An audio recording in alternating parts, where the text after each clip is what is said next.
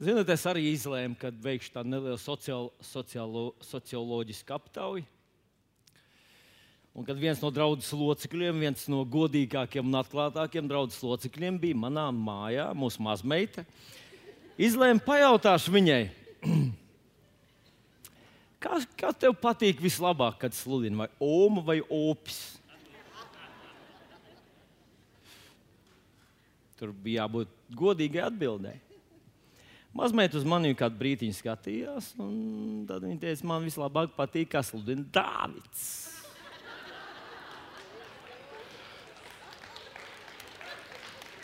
Godīga atbilde.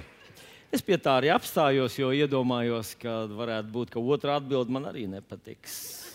Nu, ne tā, ka nepatiks, bet uh, man tiešām ļoti patika iepriekšējās svētdienas Dāvida vārds. Un, uh, manuprāt, tam, tas ir visam pamatā. Visas mūsu ticības, visas mūsu uzticēšanās un attiecība ar Dievu pamatā ir tas, ka mēs zinām, ka Dievs ir labs Dievs. Kā Jāņa Evanģelijā, 10. nodaļā, 10. pantā, Jēzus sacīja tādiem vārdiem: Zaglis nāk vienīgi, lai zaktu, nokautu un nomaitātu. Es esmu nācis, lai tiem būtu dzīvība un pārpilnība. Dievs ir labs Dievs, tas ir ļoti dziļi. Dievs ir labs Dievs, un vēlams ir slikts vēlams. Un man patīk tas arguments, ko, ko Dārvids izteica iepriekšējā svētdienā. Viņš teica, kas ir tā lielākā autoritāte? Ieps vai Jēzus Kristus? Un, kad viņš to tā nostādīja, man bija viss skaidrs. Jēzus vārdi ir daudz autoritatīvāki un stiprāki, un patiesāk uz tiem var paļauties. Man gandrīz gribētos paturpināt šo pašu tēmu. Jo zinat ko? It kā mēs visi to zinām, un tomēr tajos pašos grūtākajos brīžos Dievs ir gribējis, lai mēs to naktas vidū, vētras vidū, zemestrīces vidū, uh, akmeņu krustas vidū, uguns krāsnes vidū, pamostos un zinātu, ka kolīzijas, nelaimes, vis visādas problēmas nav no Dieva. Es gribētu dzirdēt tavu āmeni uz to. Rakstvietiņā, ar kuru gribētu šodien iesākt savu domu, un ļoti uh, ceru, ka Svētais Gars man palīdzēs to līdz tevīm aiznest ir no Romiešu vēstures 5. nodaļas 8. pāns, Romiešiem 5, 8, kur rakstīts tādu vārdu. Paklausies uzmanīgi, kādu tur ir lietot vārdu. Bet Dievs savu mīlestību uz mums pierāda. Pierāda ar to, ka Kristus par mums ir miris, tad, kad mēs vēl bijām grēcinieki. Dievs nevienkārši gribēja, lai mēs dotu tādu mājienu, izteikt, pateikt, uh, nodziedāt. Bet te ir lietots tāds ļoti stiprs vārds, ka Dievs gribēja pierādīt mums, pierādīt mums. Ja esmu kādreiz stājis, ka manā bērnībā, kad puikas gribēja kaut ko, lai visi zinātu, ka tā tas ir un savādāk būt nevar, teica, dod uz zobu ķīlā. Nu, tad visi zināja, ka puisis nemelo, jo likmes bija pārāk augstas. Un šķiet, ka arī Dievs dara visu no savas puses, lai tev un man pierādītu, ka Dievs mūs mīl. Saki, mīl! Rakstvietiņa, kur to izsaka tādā pilnīgi tādam, varbūt pat tradicionāli reliģiskam cilvēkam, pilnīgi nepierastā, nesaprotamā veidā, ir uzrakstīta atklāsmes grāmatā, 4. nodaļā un 11. pāns atklāsmes 4 un 11. Un kā jūs zinat, es mīlu paskatīties, ko tad saka citi tulkojumi, kā citi tulkotāji un tulkotāju grupas ir centušās piemeklēt to īsto atbilstošo vārdu, lai izteiktu, ko tad šajā rakstu vietiņā uh, svētais gars ir gribējis mums pateikt. Un rekā tas skan mūsu revidētajā tekstā. Tātad atklāsmes 4.11. Tu, kungs, mūsu dievs, tu esi cienīgs saņemt slavu, un godu un spēku, jo tu esi radījis visas lietas, un visas lietas ar tavu gribu uh, bija un ir radītas. Tātad tas, ko Dievs ir radījis, Viņš to ir gribējis. Un, protams, ka mēs saprotam, ka neiet runa par akmeņiem, upēm, augalu, lielupu, un, un, un, un mūsu, un mēmeli vai, vai, vai, vai mežu. Tās lietas Dievs radīja priekš mums. Viņš radīja dārzu, un tur ielika to, priekš kā viņš bija radījis to dārzu. Bet šeit iet runa par cilvēku. Paklausieties, kā tas skan citos tulkojumos, un es šeit pieliku tādā uh, rindiņā klāt uh, King James. Un tad es lasu arī tādu, ir tāds uh, mūsdienīgs krievu tulkojums, un vēl dažs cits amerikāņu standarts, un, un, un tā tālāk, kādas, kādas versijas. Tur ir rakstīts tā, ka Dievs ir radījis mūs savam priekam, savai patikai, tīksmei un baudai. Ziniet, mēs zinām, Jānis 3.16, jo tik ļoti Dievs pasauli mīlēs, bet bieži vien mums tas asociējās ar kādu tādu, ziniet, tādu, tādu priekšnieka mīlestību uz savu strādnieku. Nu, Nu, jā, nu, viņam jābūt pozitīvam, viņam jābūt nu, tādam uh, uh, draudzīgam, jo savādāk tās attiecības neveidosies. Bet Bībele mums kaut kā cenšas pateikt tieši pretēji, ka Dievs mūs mīl, un tā mīlestība ir lielāka un pārāka nekā mūsu nu, mums ļoti labi zināmā vecāka mīlestība uz saviem bērniem. Nu, mēs tikko redzējām divas jaunas ģimenītes, kas, trīs piedodiet, ģimenītes, kas iznāca priekšā un atnesa savus bērniņus.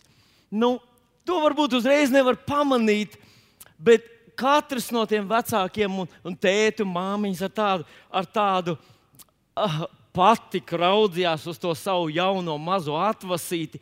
Mēs mīlam savus bērnus. Vai, e, vai, vai jūs piekrītat man? Ko? Nu, un tad kādā vietiņā iesties, ja jūs ļauni būdami, protat saviem bērniem dot labas dāvanas, cik daudz vairāk Un tad viņš runā par Dievu, par Dievu, kurš mīl mūs. Un nevis ar tādu priekšnieka mīlestību savu padoto, nevis ar vergturu mīlestību pret savu vergu, nevis ar kādu, kuram ir viss, un mīlestību uz to, kurš no visa, visā no viņa ir atkarīgs. Bet viņš te saka, ka Dievs mūs mīl ar tādu mīlestību, kur var salīdzināt ar tēvu un mātes mīlestību. Un atcerieties, vecajā derībā ir teikts, vai var māte savu zīdaini aizmirst? Un mēs domājam, nē, Viņa saka, pat ja māte aizmirst, Dievs nevar aizmirst. Dievam mēs patīkam. Dievam gribas būt ar mums sadraudzībā. Mēs Dievam sagādājam prieku. Viņa mīlestība mūs iepriecina bet mūsu mīlestība uz Dievu arī viņu iepriecina. Un tas ir apslēpts mūsu acīm. Mēs to nevaram varbūt sajust, mēs nevaram redzēt viņu vaigu, nevaram redzēt viņa acis. Bet tāpēc jau mums ir uzrakstīti raksti. Jēzus teica, stāv rakstīts, un citēja, un teica, ka tā ir patiesība, kā rakstīts. Un ļaujiet man nocitēt jums vēl vienu rakstvietiņu, kur stāv rakstīts. Tas ir pravietis Cefānija, 3. nodaļa, 17. pāns. Un tur rakstīts tādi vārdi. Tātad Cefānija 3.17. Jo tas kungs, tavs dievs, ir pie tevis, tavs spēcīgais glābējs. Viņš priecāsies par tevi, būs pret tevi mīļš, tev piedos. Un mūsu revidētais teksts saka, skaļi paudīs savu prieku par tevi. King James saka, Dievs skaļi dziedās. Skaļi gavilē, saka krievu, krievu tulkojums. Dievs, kurš skaļi dziedās un gavilēs, ne jau par, par savu uzvaru. Viņam tā ir piederējusi visus laikus. Dievs nekad nekur nav zaudējis. Viņš nekad nav bijis apdraudēts no vēlna un viņa plāniem un viņa eņģeļiem. Te ir teikts, par tevi viņš priecāsies, par tevi viņš dziedās. Vai nav jauki? Bet tad vēl viena rakstietiņa atgādināšu tev, kur mēs visi labi zinām. Tomēr viņa ietver kaut ko tai tavā attēlā. Viņai vajadzētu iezīmēt kaut kādām jaunām, ja, e, jaunām līnijām, parādīties. Tas ir 22. psalms, 4. pāns, kur rakstīts, ka tā, tas kungs mājo, tas, tā kunga goda krēsls mājo viņa tautas slavas dziesmās. Zinat, kā tas ir? Tas ir tieši tāpat kā mūsu kurnēšana, mūsu dusmas, mūsu rūkuma, aizvainojumi un, un grēki pievilina dēmonus.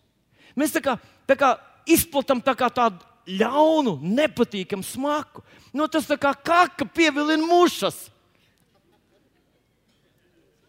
Tieši tāpat cilvēks, ļauns, dusmīgs, aizdomīgs, ļaundomājošs, kritizējošs cilvēks pievilina demonisko pasauli. Tad tavas slavas dziesmas ir attraktīvas dievam. Viņam patīk atrasties tuvumā, tavā tuvumā, kad tu dziedi slavu. Kad tu saki, tas kungs ir mans stiprums un mana, mm, kā nu bija pestīšana, no kā man bīties, baidoties. Dievs ir, hu, hu, kaut kas smaržo labi, kaut kas tur ir, ir labs. Kas tas ir? Viņam patīk atrasties tavā slavas dziesmās. Dievam tas sagādā prieku. Viņš mīl tevi, viņš radīs tevi un mani. Attiecībām ar Dievu. Mēs esam radīti attiecībām. Tas ir mans pirmais pieturas punkts, pie kā gribu šodien apstāties. Ja esam radīti attiecībām ar Dievu, tad ir jābūt mūsos, kaut kam mūsos tādam, ka mums tās attiecības nu, gribas. Tas ir tā kā tāds tā kā cimds radījis priekš rokas, nu, tā kā prasās pilnīgi to roku tajā iebāzt. Tas ir viens priekš otra. Un ja mēs, ja cilvēks ir radīts šīm attiecībām. Mēs esam radīti, lai mūs mīl, radīti, lai par mums priecājas, radīti, lai, lai Un vēlams to ir gribējis sabojāt, un tūkstošiem gadu viņš ir borējis, ka Dievs ir jāpierunā, jāpielūdzas, mums ir jāpiespiež, lai Viņš pievērš mums uzmanību, lai Viņš ieklausās, apžēlojas, jo mēs esam mēsli, pīšļi un nekam nederīgi. Bet Bībelī mums saka pilnīgi kaut ko citu. Ka Dievam patīkami ir būt attiecībās ar viņu cilvēku, ar tevi. Dievam patīk dzirdēt tavus mīļos vārdus. Mēs to nevaram sajust. Es tieši tāpat kā tu, tur ir atsevišķi brīži, tāda atklāsmes brīži dzīvē, kad tu pēkšņi sajūti, ka Dievs ir pievērsis tev savu vaigu, ka Viņš klausās uz tevi, ka Viņam patīk tava mīlestība. Kad tu saki, Tēvs, Tu esi labs Dievs, es mīlu tevi, es priecājos par tevi. Tu man uzrunāji, un tavs tūms dara man laimīgu. Man nevajag visu pasauli, kad tu esi pie manis. Dažreiz mēs to sakām patiešām nejūtot to. Bet vai tad nav bijuši brīži, kad tu tiešām esi simtprocentīgi pārliecināts, ka tas ir tieši tā? Tev lai iet ratā visa pasaule, lai viņi visi iet šķērsām, ja vien tu vari palikt ar viņu. Es esmu to nevienreiz vien savā dzīvē sajūtis. Un, jā, un tad man zemapziņā, jā, bet ģimene, bērni, bet visi tie dārgie cilvēki. Un es saku, Dievs, man viņi ir tik dārgi, man ir tik dārgi, man draudzē. Bet, ja man jāizvēlas, es gribu palikt pie tevis. Dievam patīk tavas slavas dziesmas, kuras ir bez ritma, un tu nevari to nīt trāpīt. Jā. Viņam patīk tavu labie vārdi, tavu atzīšanās mīlestībā. Dievam tie sagādā prieku. Mēs esam radīti attiecībām ar Dievu. Un zinat ko? Ja mēs esam radīti šīm attiecībām ar Dievu, tad viena no lielām lietām, kas mums vajadzētu mūs izbiedēt, ir tad, ja mēs šīs attiecības pazaudējam. Un paskatieties, kas notiek ar cilvēku pēc grēkā krišanas. Kas bija pirmā lieta, kas ienāca viņa dvēselē? Pirmā emocija, pirmā sajūta, ko cilvēks piedzīvoja - bailes. Tas nebija sāpes, tas nebija augonis nepieklājīgā vietā vai kaut kas tamlīdzīgs. Bija bailes, bailes no atraidījuma, bailes no soda. Un paskatieties, Līga pieminēja, ka bailes ļoti bieži ir nepamatotas. Viņas par 70% bailes ir nepamatots. Dievs nekad nebija izrādījis nekādas dusmas, nekad nebija izrādījis nekādu vēlēšanos vai tendenci sodīt cilvēku. Nekad! Un tomēr pirmās sajūtas, pirmās emocijas - bailes. No tā, ka Dievs man atraidīs, kritizēs, nepieņems vairs. Un Dievs darīja visu, lai Viņš mūs atkal pieņemtu, lai mēs būtu droši. Un tā ir viena no īsta kristiešu pirmajām atklāsmēm, ka mani tādu kāds esmu. Bez visiem uzstādījumiem, bez ultimātiem, bez prasībām. Tev jāmaina tas, tas, tas, tev jākļūst par to, to, to, tev jāiemācās tas un tas un tas. Un tas. Nē, ka bez visa tā Dievs mūs visus patiešām, patiešām mīl.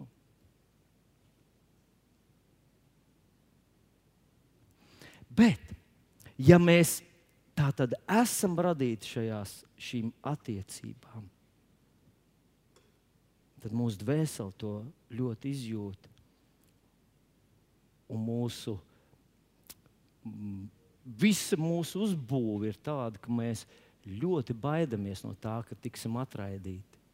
Un zinot, ko tas izpaužas ļoti arī mūsu attiecībās ar cilvēkiem viena no lielākajām fobijām, ko cilvēki baidās, varbūt neapzināti, bet tas tā tam vajadzētu būt, jo mēs esam radīti šim te, lai tiktu pieņemti, mīlēti, novērtēti. Mēs baidāmies no atraidījuma. Un paskatieties, ko Salmans, Salmans to saka Salmana pamācībās 29. nodaļā, 25. pāns skan tādi vārdi. Es paņēmu to no jaunā tulkojuma, jo vecais, man liekas, viņš. Um, mm, Jaunais saskanēja ar King James. Tā es vienkāršāk pamatošu. Tātad bailes no cilvēkiem ved slazdā, un kas uz to kungu paļaujas, tas pasargāts. Vecais revidētais teksts teica, ka bailes no cilvēkiem ved uz bojā eju. Tā tad ved mm, bailes no cilvēkiem pazudina vai kaut kā tam līdzīga. Bailes no cilvēkiem, jaunais teksts saka, ved slazdā. Nu, kas ir slasts? Slasts, mēs zinām, ir kaut kāds tāds īpašs ierīcis, kur, teiksim, ja gribam sagūstīt kādu brīvu, brīvu dzīvnieku, mēs izliekam slazdus. Un tad tas dzīvnieks iekrīt tajā slazdā, nemaz ne, nenojaušot to. Viņš tur iekrīt un viņš pazaudē savu brīvību. Viņš vairs nevar būt tas, par ko viņš ir radīts būt, vai varbūt pat viņš pazaudēs arī savu dzīvību uh, drusku vēlāk. Slasts ir bailes no cilvēkiem. Bailes no cilvēkiem. Vai var būt tā, ka šī mūsu dvēseles īpašība, šī mūsu uzbūves īpašība, tikt pieņemtiem, tikt novērtētiem, tikt atzītiem? Mēs gribam, lai visi par mums priecājas, lai vien, neviens mūs nekritizē, ka tas mūs tik ļoti ietekmē, ka mēs baidāmies no cilvēkiem, un šīs bailes no cilvēkiem pat arī mūsu platuma grādos, kur mums nedraud ar nāves sodu, teiksim, mūsu ticības lietas, mūsu evanģelizēšanu, sludināšanu, stāstīšanu cilvēkiem. Mums nedraud ar nāves sodu, kā tas ir daudzās pasaules valstīs, kur cilvēki vēl aizvien sludina evanģēlīju, riskējot ar savām dzīvībām. Bet mēs baidāmies no cilvēkiem un baidāmies tikpat daudz, gandrīz vai baidāmies no šī atraidījuma, no kritikas no cilvēku puses. Tāpēc, vienkārši tāpēc, ka visā mūsu uzbūvē, mūsu DNS ir ierakstīts tas, ka mēs esam radīti, lai mums būtu attiecības, lai tās būtu draudzīgas, mīļas, sirsnīgas attiecības. Un, manuprāt, tas tā ir. Nu, paskatieties, ko apelsīns Pāvils saka vēstulē Galotiešiem 1,10. Viņš saka, tā, vai tad es runāju cilvēkiem pa prātam vai dievam? Jeb vai es vēl cenšos cilvēkiem patikt, jeb vai paklausties, un kad viņš nobeidz ar tādu teikumu, ja es vēl cilvēkiem censtos patikt, tad es nebūtu Kristus kalps. Ja es vēl censtos cilvēkiem patikt, tad es nebūtu Kristus kalps. Vai ir iespējams, ka šīs divas lietas nevar savienot kopā. Es gribu visiem izdarīt pa prātam, un es gribu Dievam izdarīt pa prātam.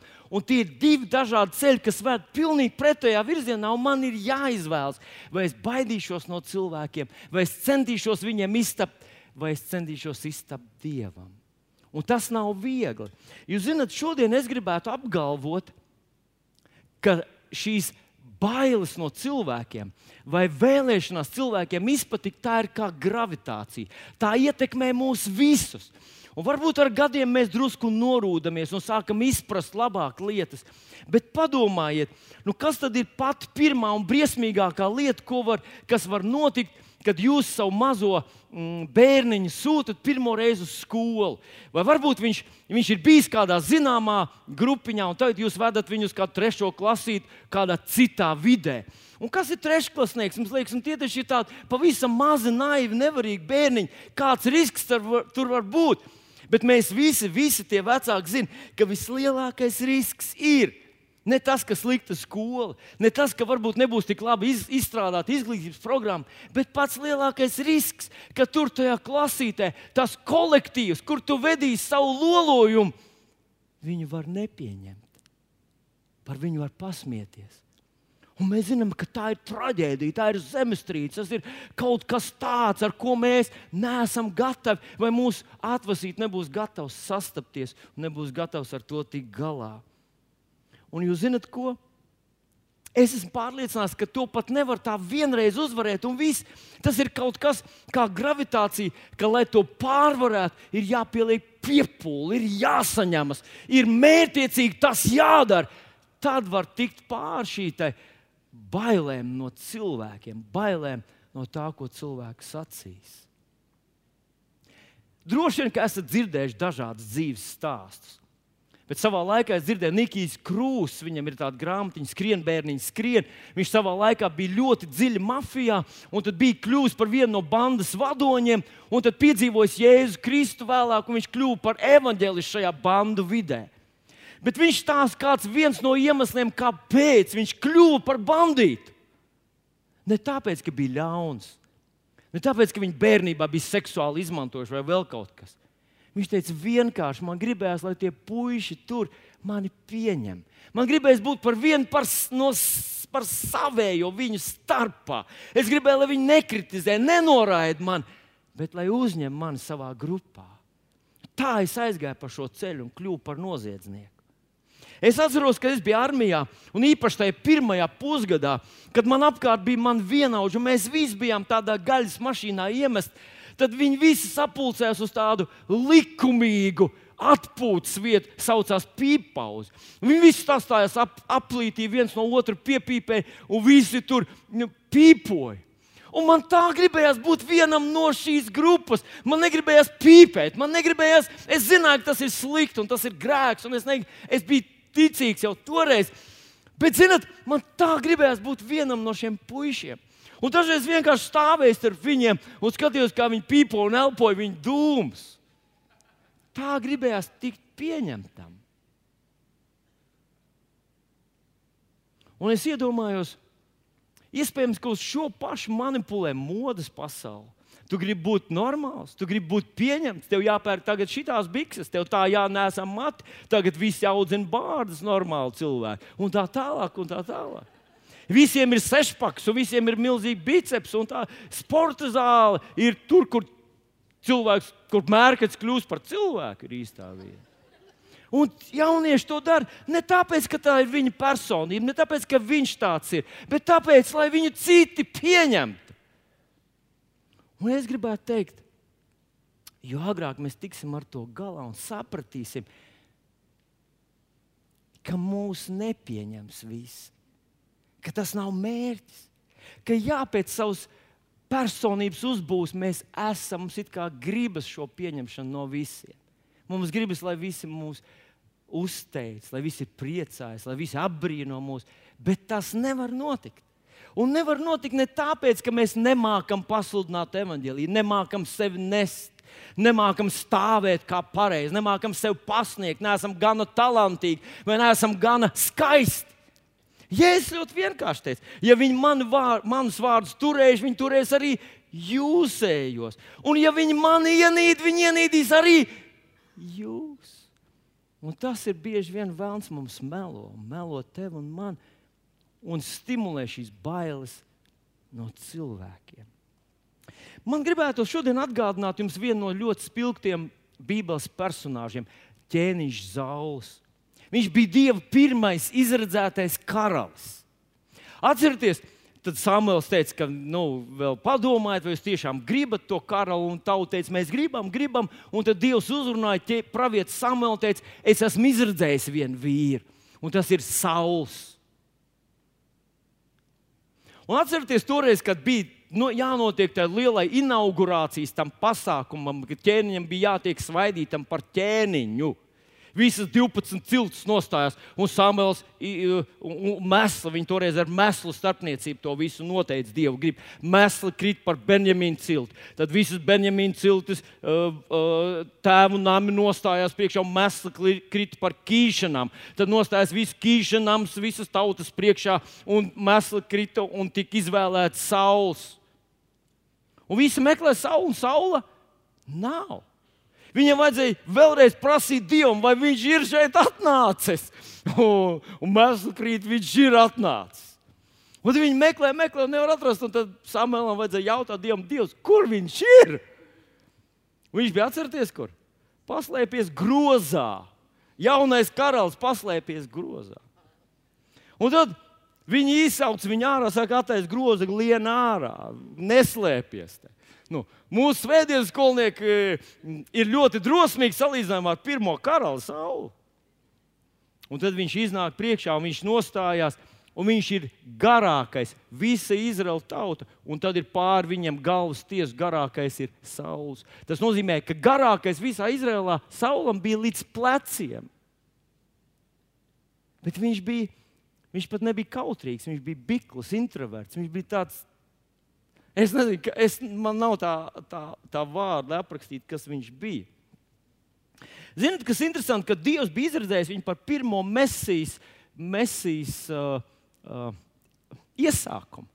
Ja mēs šodien sakām, vīrs pēc Dieva sirds, Dāvids, Dāvids Jēzus no Dāvida nama, tad mēs toreiz Dievs bija izvēlējies, kas būs Sauls. Dāvids pat nebija Dieva pirmā izvēle. Dievs izvēlējās Dāvidu pēc tam, kad atmet sauli, skatījās, nu, ko tad mēs liksim vietā, un atrada vienu puisi tur. Viņš bija otrā izvēle. Un, kad viņi svaida tur par ķēniņu, bija cilvēki, kas viņu novērtēja, teica, ko šis mums palīdzēs. Tas, nu, viņš taču vispār baidās acīs paskatīties, kas tas par karalu. Viņu nonicināja. Un tur ir interesanti pierakstīts pirmā samula grāmatā, ka Sauls palika mierīgs, vai Sauls saglabāja mieru. Kaut ko mums cenšas pateikt šī raksturvietiņa, ka Sauls acīm redzot, kaut kādu secinājumu izdarīja tajā reizē. Un turpmāk, visur, kur mēs redzam, visu, ko Sauls darīja, viņš vienmēr vairāk trīcē par to, ko cilvēki par viņu saka, nevis ko Dievs. Ko cilvēks saka? Vai es varēšu izpatikt cilvēkiem, vai man nekritizēs? Viņš nezināja, ka līdz ar paaugstinājumu vienmēr nāk kritika. Tajā pašā mirklī, kad tev uzticēja atbildību, lielāka teritorija, lielāka kritika. Lielāka teritorija, par ko tu atbildi, būs kritika. Tas ir vienkārši dzīves likums, tas ir neizbēgami. Un es esmu pirmā samuēlā grāmatā, 15. nodaļā, tikai divas raksturvietiņas gribu pastāstīt ka Dievs lika Saulam iznīcināt vienu tautu. Un tajā reizē, un tajā laikā tas bija Dieva žēlastības akts. Ja kādam liekas, ka vecā derība ir vienkārši par asinīm, par cilvēku slaktēšanu, mīļie draugi, man ir jums komentārs, bet šodien mums nav laika, lai, to, lai es to mm, nu, pastāstītu. Tā īstenībā tas bija dziedinošs akts un glābjošs akts priekš palikušās cilvēces. Tādu gangrēnu sēstu anklāvu likvidēšanu. Tur bija tāda demonizācija tajā, tajā tautā. Tur bija bērnus upurēt demoniem no bērnības, viņam bija apsēsti. Tur bija zoofilija un viss niknākās, šausmīgākās, perversākās, visāda veida seksuālas perversijas. Un tajā vecajā darbā cilvēks nevarēja atbrīvot no tā. Bija tas, ko šodien sauc par amputāciju, vai amputēt daļiņu, lai saglabātu visu cilvēku. Tāpēc viņam to vajadzēja izdarīt. Un, kad Dievs viņu sūtīja to izdarīt, viņš atnāca atpakaļ, viņš apkāva visus cilvēkus, apkāva, bet, apkāva visus slimos un kroplos lopiņus, bet atstāja visus izcilos lopus, veselos lopus. Un reko viņš saka Samuēlam, kad Samuēls saka, paklausies, kāpēc tu teici, ka izpildīji Dieva uzdevumu, kāpēc es dzirdu tās, tos, tos lopu plēšanu? Viņi taču vēl ir dzīvi. Un tad viņš teica, o, mēs, mēs tie cilvēki. Karalis saka, ne jau es, bet tie cilvēki. Viņam bija pavēlēts. Samuēls jau nepavēlēja cilvēkiem, viņš pavēlēja karalim, ej un izdara. Dievs saka, ka tagad tas ir jāizdara. Bet viņš saka, bet tie cilvēki paņēma tos lopiņus. Un tad beig beigās viņš saka, jā, es saprotu, es kļūdījos, bet es paklausīju cilvēkiem vairāk. Un tā viņš pazaudēja valstību. Viņš pazaudēja savu misiju, savu aicinājumu. Ne tikai viņš, viņa bērni pazaudēja, viņi būtu valdījuši. Viņa visa, viss dzimums būtu kļuvis par mesijas dzimumu. Bet bailes no cilvēkiem, šī vēlēšanās, lai visi mani pieņem, lai visi, visiem es patīku, tās pazudināja viņu. Viņš bija aizmirsis, ka viņš dzīvoja kritušā pasaulē. Es ar to saskaros visu laiku, mīļie draugi. Man tieši tāpat kā jums arī gribas, lai es visiem esmu patīkams. Pavisam nesen es lūdzu par vienu vienu bērniņu, kur bija iznākusi vecāks, turēja savu bērniņu un lūdzu, lai aizlūdzu par viņu. Un, kad es piegāju lūgt par to bērnu, es uzliku viņam roku, un viņš skatījās manī, ziniet, tā. Nu, es nemāku šobrīd uztaisīt tādām acīm, viņš skatījās uz maniem. Un es uzliku savu simpātiskāko smaidu. Es domāju, es negribu tikt atraidīts. Nu, Mr. Beans perfekti māca to tādu Mēs Dievu un es lūdzu par viņu. Un mazais skatījās vēl sekundi. Es tiku atraidīts. Un tad es sapratu, ko Jēzus domā ar to. Atnesiet tos bērnus pie manis. Noķeriet un atnesiet. Viņam jātiek svētītiem. Nu, nu labi, ar Jēzu nebija īsti tur, tā, tas bija savādāk, bet tur bija laidiet taisnība. Jā. Bet es par to, ka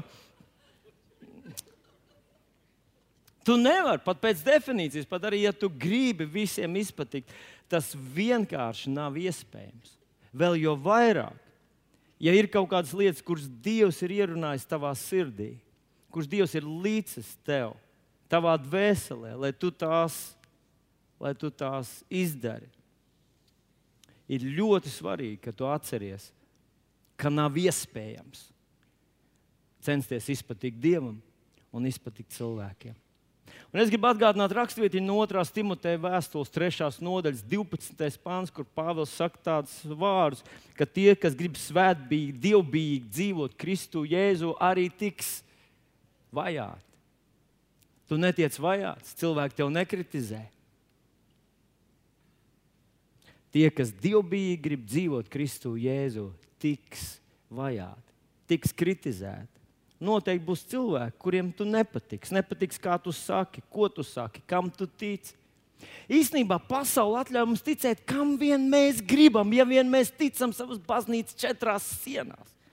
Viņi savas ticības nes ārpusē. Viņi popularizē katrā raidījumā. Tu dzirdēsi, kāds stāstīs par jogu un par par mandalu un par sevis atrašanu Indijā un tā tālāk par hinduismu, budismu un nezinu ko vēl. Bet atnāc tu tur ar savu kristietību un visu tevi skatīsies. Es atceros, bija vienā kristīgā raidījumā.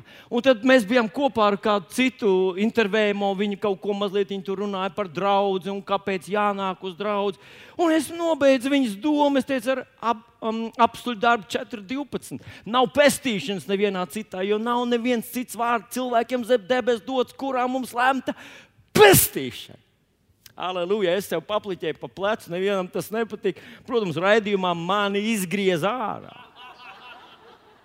Pietika ar to, ka viņi stāstīja, jā, ziniet, mēs tur tā, mēs tur dziedam un mm, runājamies, un mums ir labdarība tur un tā. Tie, kas grib svētbīgi dzīvot Kristu Jēzu, arī tiks vajāti. Un starp citu, tā sakrā Jēzus mums teica, lai mēs mīlam savu tuvāko. Kad viņam pajautāja, uh, kas ir svarīgākie baušļi bauslībā, Tad viņš nosauca divus - mīli Dievu, un otrs bija mīli savu, mīli savu tuvāko kā sevi pašu. Un zinot, ko Jēzus jau neko jaunu nepateica. Viņš vienkārši nocitēja no 3. mūža grāmatas 19. panta tekstu, kur ir rakstīti uh, tādi vārdi. Uh, 3. mūža 19, 18. pāns rakstīts tā: Neatriebies un nedusmo savas tautas ļaudīm. Mīli savu tuvāko kā sevi pašu. Es esmu tas kungs. Mīli savu, tas kā mēs gribētu teikt, nu, mēs gribētu pie, piestiprināt kādu skaistu gleznu pie sienas tad mums būtu jāiedzen tajā sienā nagla, lai tā skaistā bilde, viss tas skaistums turētos pie tā. Un tādi ir šie divi baušļi, kurus Jēzus tur nocitē. Mīl Dievu, mīl savu tuvāko. Uz viņiem viss turas. Bet mēs, ja mēs nocitējam tikai vienu šo bausli, uh, šo, šo pantu no trešās mūža grāmatas, mēs ne, neiegūstam pilnu ainu. Jo tā pilna aina ir iepriekšējā pantā. Un tas iepriekšējais 17. pants saka mums tā. Um, 17. pāns skan tā. Jā, rekā viņš ir, viņš ir manā interpretācijā, bet esmu pielicis klāt tur. Uh, iespējams, tas ir precīzi. Es neesmu viņu atzīmējis savā konspektiņā. Paklausies, kā tas skan. Nenēsā savā sirdī ļaunumu un naidu pret savu brāli. Pamāci, pierādi viņa grēku atklāti, lai tu nebūtu līdzvainīgs pie viņa grēka. Un tad ir tas 18. Neatriebies cilts brālim, netur ļaunu prātu uz viņu, mīli savu tuvāko kā sevi pašu, jo Dievs tas kungs ir Dievs. Tas konteksts, ko viņš saka, kā ir mīlēt savu tuvāko, ir brīdināt viņu. Ja tu redz, ka viņš dara nepareizi, teikt viņam to. Jaunajā darbā mēs lasām, ja tu redz savu brāli, darām grēku, tad ej un saki viņam to. Un, ja viņš tev neklaus, pieeicini vēl kādu, un ej un divi tā viņam runājiet ar viņu. Un, ja viņš paklausīs, jūs esat mantojuši savu brāli. Ja viņš neklausās, tad ej, saki, draudzē, viņš neklausās, viņš dara aplam.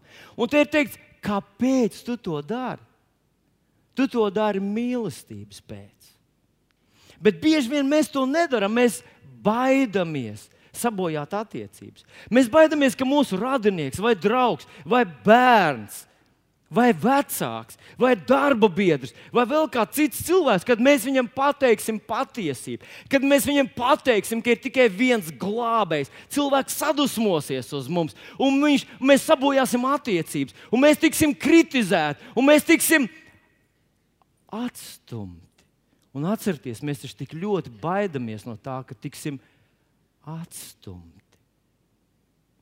Bet tas ir tas, ko trešā mūža grāmata 19. nodaļa sauc par naidu. Ja tu nesaki cilvēkam, tu zini, ka viņš iet nepareizi. Tu zini, ka viņš dara aplam. Tu zini, ka grēka nopelns ir nāve vēl aizvien. Arī 21. gadsimtā, kad mēs darām grēku, mēs ieprogrammējam bēdas savā dzīvē, kad tu saki to cilvēkam, tu izrādi mīlestību un rūpību par viņu. Es domāju, ka jūs visi esat kādreiz stāvējuši pie kases, teiksim, kādā lielveikalā. Un tur ir cigaretes stends, tur vis visādas cigaretes paciņas. Un jūs, kā nepīpētāji, noteikti nepievēršat uzmanību tam nosaukumiem, bet jūs pievēršat uzmanību tām briesmīgajām fotografijām, kas ir uz katras paciņas. Uz vienas paciņas tur ir šaušalīga mute ar trim zobiem, kur izskatās vienkārši pēc briesmām. Tur kādā citā paciņā ir um, smēķējošs bērns, un tur teica, ka smēķēšana arī visdrīzāk jūs bērnus ietekmē, arī viņi smēķēs. Jūs radinieki, jūs elpceļi, jūs aknas, jūs, un tur aprakstīts gandrīz visas cilvēku sistēmas. Kāpēc tik briesmīga diskriminācija pret smēķētājiem? Tāpēc, ka mūsu veselības aizsardzības ministrija rūpējas par cilvēkiem, kas izdara šo aplamo soli un brīdina viņus. Tad, kad Dieva bērns vienkārši aiz savas pārprastas tolerances, aiz pārprastas mīlestības, nesaka savam brālim, kad brālis dara grēku, Bībele to neuzskata par atbalstu un mīlestību. Bībele to uzskata par ienaidu un atriebību. Un tad, kad tu un es to darām, tāpēc ka baidamies no kritikas, baidamies no tā, kas mums sadusmosies, mūs atraidīs, mūs vairs neklausīsies, ar mums nerunās. Mēs esam nostājušies uz šī bīstamā ceļa, kas saucās bailes no cilvēkiem, vēd slazdā. Un vēl vairāk es gribētu teikt, zinot, mēs nevaram sasniegt tos dieva dotos mm, redzējumus, kāds dievs ir devis mūsu dzīvē, ja mēs baidamies no cilvēkiem. No viens no, iemes, viens no uh, lieliskiem piemēriem ir Jāzeps. Mēs tikko runājām par viņu, kāds dievkalpojums atpakaļ, kad Dievs viņam deva sapņus. Un viņš tos sapņus izstāstīja saviem brāļiem, un tie brāļi uz viņu bija dusmīgi. Viņi sāk viņu, un tur burtiski lietots vārdiņš, ienīst viņa sapņu dēļ.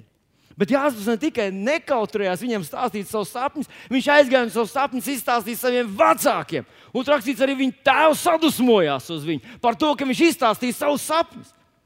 Esmu dzirdējis mācītājus, kas saka, redziet, ko mums jāmācās no tā. Nesaki nevienam. To, ko Dievs ielicis tavā sirdī, nesaki, turi pie sevis. Bet, zinot, ko, ja Jānis būtu turējis pie sevis, viņš arī nekad nebūtu sasniedzis to, ko Dievs gribēja ar viņu sasniegt. Tikpat labi mēs varētu teikt, Zadrak, Mezak un Abednego, kāpēc jūs tik izaicinoši runa tur ķēniņa priekšā? Mūsu Dievs var izglābt, bet pat ja viņš to nedarītu, mēs nepielūgsim tavus dievus. Priekš kam tāds teatrālisms? Vai tad nevarēja kaut kā tā ķēniņa? Apžēlojies par mums. Mēs esam labi strādājuši palicis gads līdz pensijai. Vai tu nevari kaut ko darīt mūsu labā? Mēs esam tev kalpojuši par minimālo algu visu dzīvi. Tad viņi arī būtu sadeguši tur tajā krāsnī. Zinat, ko? Ja Dievs ir ielicis kaut ko tavā sirdī, kaut kādu redzējumu, tam, tam jātiek pasludinātam. Un jā, būs cilvēki, kas dusmosies. Jā, būs cilvēki, kad tu teiksi, ka Jēzus ir glābējs. Viņš dziedina, glābi un atbrīvo. Būs cilvēki, kas dusmosies. Bet ko tad tu gribi darīt? Kam tad tu gribi izpatikt? Dievam vai cilvēkiem? Un esmu drošs, ja Dievs kaut ko ir ielicis tavā sirdī, ja Viņš ir ielicis vīziju, redzējumu, tad Viņš grib, lai tu to drosmīgi pasludini. Bez naida, bez augstprātības, bez tiesāšanas pret citiem cilvēkiem, bez norādīšanas ar pirkstiem. Bet lai tu pasludini to, ko Dievs ir ielicis tavā sirdī, jo vienīgi tā mēs varam ietekmēt apkārtni ap mums. Vienīgi tā mēs varam ietekmēt savu zemi. Man bija skumji klausīties viena, viena biskupa uzrunu. Nu, Jūs varat iedomāties, kur jūs zinat, četrus jūs zinat, bet neviens no tiem tas nav. Es nopietni saku, neviens no tiem tas nav. Viņš bija vienā pasākumā. Un, un es jau priecājos pie sevis, domāju, tur daudz visādi doktori runāja, un tur mākslinieki, un tā tālāk. Ir arī kāds pēc definīcijas mācītājs, kurš pateiks par vienīgo cerību, Jēzu Kristu. Un zin, viņš teica, Es ceru, ka valsts palīdzēs. Ceriet, ka, ka, ka, ka valsts jums visu iedos, ka cilvēki jūs nenoraidīs. Ceriet, ticiet uz to, gaidiet. Un, un es domāju, ak, Dievs! Kur mēs esam pazaudējuši to ebrejiem 4.12. Jo Dieva vārds ir dzīves un spēcīgs un asāks par katru abēju pušu, griezīgu zobenu un spiežas dziļi iekšā, līdz kamēr pāršķir garu un dvēseli, locekļus un smadzenes un ir doma un sirds prāta tiesnes. Viņš, jūs zināt, ja mēs, kristieši, nebaidītos no cilvēkiem, ja mēs mīlestībā pateiktu Dievu vārdu, ja mēs teiktu, ka Dievs mīl, ka Viņš patiešām rūp, Viņš grib palīdzēt katram, bet mēs teiktu patiesību. Es ticu, ka mūsu valsts būtu savādāk, jo tas Dieva vārds ir dzīves un spēcīgs un kārto lietas. Galu beigās, vai tad Viņš tevi neuzrunāja? Vai tad tevi viņš nesastapa, vai tad tevi nepārliecināja. Un ja tādu akmens gabalu kā tevi varēja izmainīt, Tad ar pārējiem viņam nebūs problēmas. Saki Dievu vārdu, mīli savu tuvāko. Nu, un nobeigšu ar, um, ar uh, rakstu vietiņu kas mums ir 1. Jāņa 4, 18. Atcerieties, bija tas jaunais pāris, kas gribēja uz savus tortus uzlikt 1. Jāņa 4, 18. Un ko viņiem uzrakstīja tas konditors? Jāņa 4, 18. Jāņa 4, 18 bija kas? Pieci vīri tev bijuši, tas, kas tev tagad ir vairs nav tauts vīrs. Sanāca liels misēklis. Bet viņi bija gribējuši uzlikt šo 1. Jāņa 4.18. Bailes nav mīlestībā. Pilnīgi mīlestība izdzen bailes. Pilnīgi mīlestība izdzen bailes. Kas tad man ir vajadzīgs, lai es nebaidītos no cilvēkiem? Kas man ir vajadzīgs? Kas vajadzīgs manam pusaudzim, kurš iet uz skolu, manam jaunietim, kas man vajadzīgs, kad es dodos nezināmā vidē, un nezinu, vai cilvēki man pieņems vai nepieņems, esmu atbilstoši apģērbies vai nē, vai es tos, ko es daru, vai sabiedrībai tas patiks vai nepietiks. Kā lai es to zinu, ka es ar to varu tikt galā? Ir viens līdzeklis pret to. Tev jāpiedzīvo, jāierauga ar jaunu spožumu, cik ļoti Dievs mīl tevi mīl tevi. Mīl tevi. Es pavisam droši jums varu teikt, ka savu mācītāju pirmos gadus, kad bija visādas vētras, kad bija riski, un es jums stāstīju par finansiāliem izaicinājumiem un, un, un riskiem, kurus es uz savu galvu, bez padomus atbalsta, bez kādām liel, liel, lielām vēlēšanām, vienkārši uzņēmos un gāju. Es runāju ar Dievu, viņš teica, ej, un es gāju. Un es zinu, vienu mācītāju, kurš lika draudzē nobalsot. Viņa bija neliela draudzība, viņš visu varēja, un ko tu par, tu par, tu par. Visi par, rokas pats tā. Mēs visi kopā to darām, jā.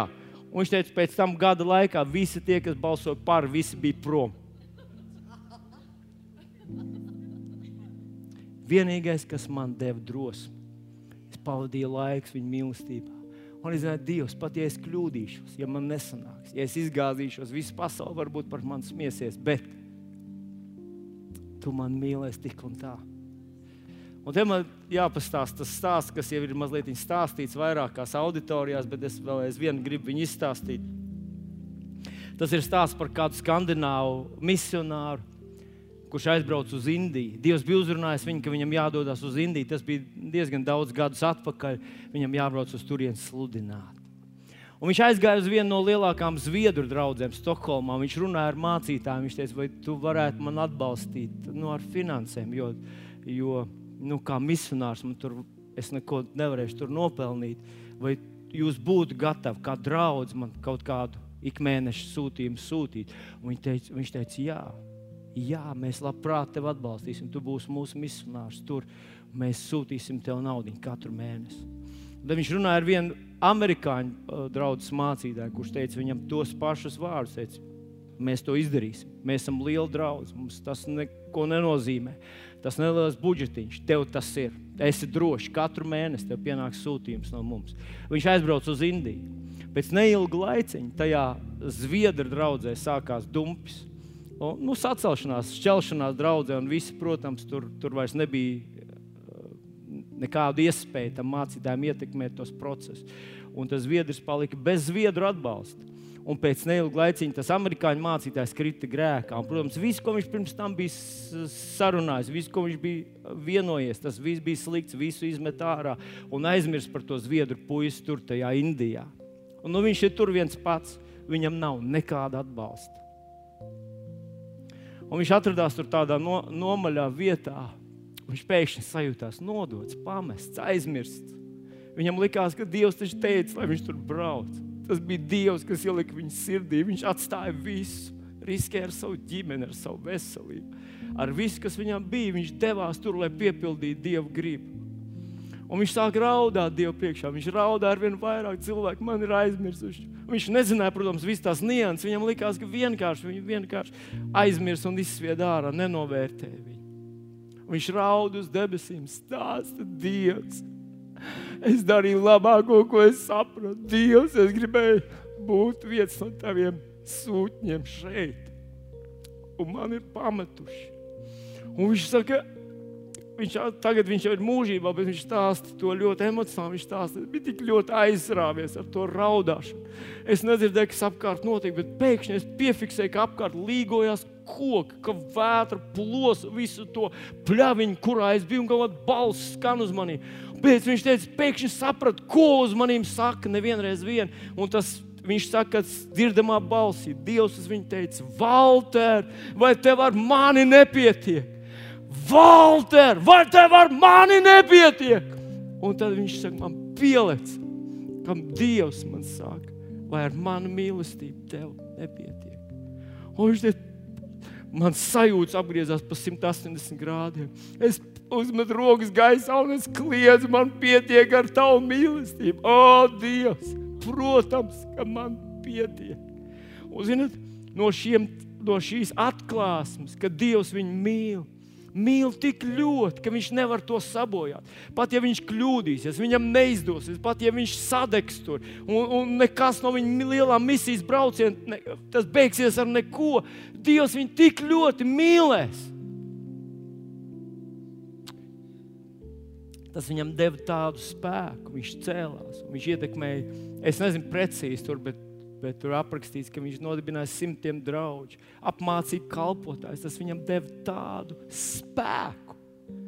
Un šodien es gribu tev pateikt, draugs, šodien tu varbūt nedzirdi, kā, kā vētra plosās tev apkārt. Varbūt neredz, kā koki līgojas. Varbūt tev nav uzmetuši zviedri un nav uzmetuši amerikāņi.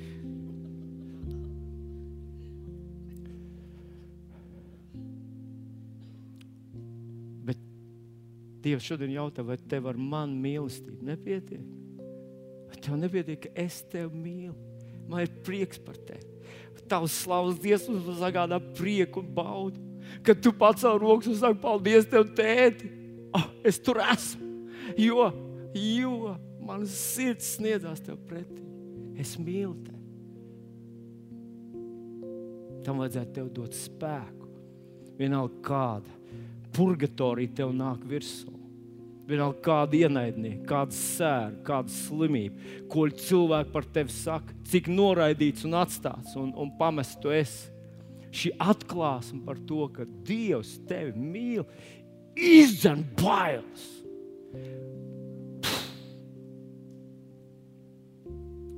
Šodien mums ir vakarēdiena, svētdiena.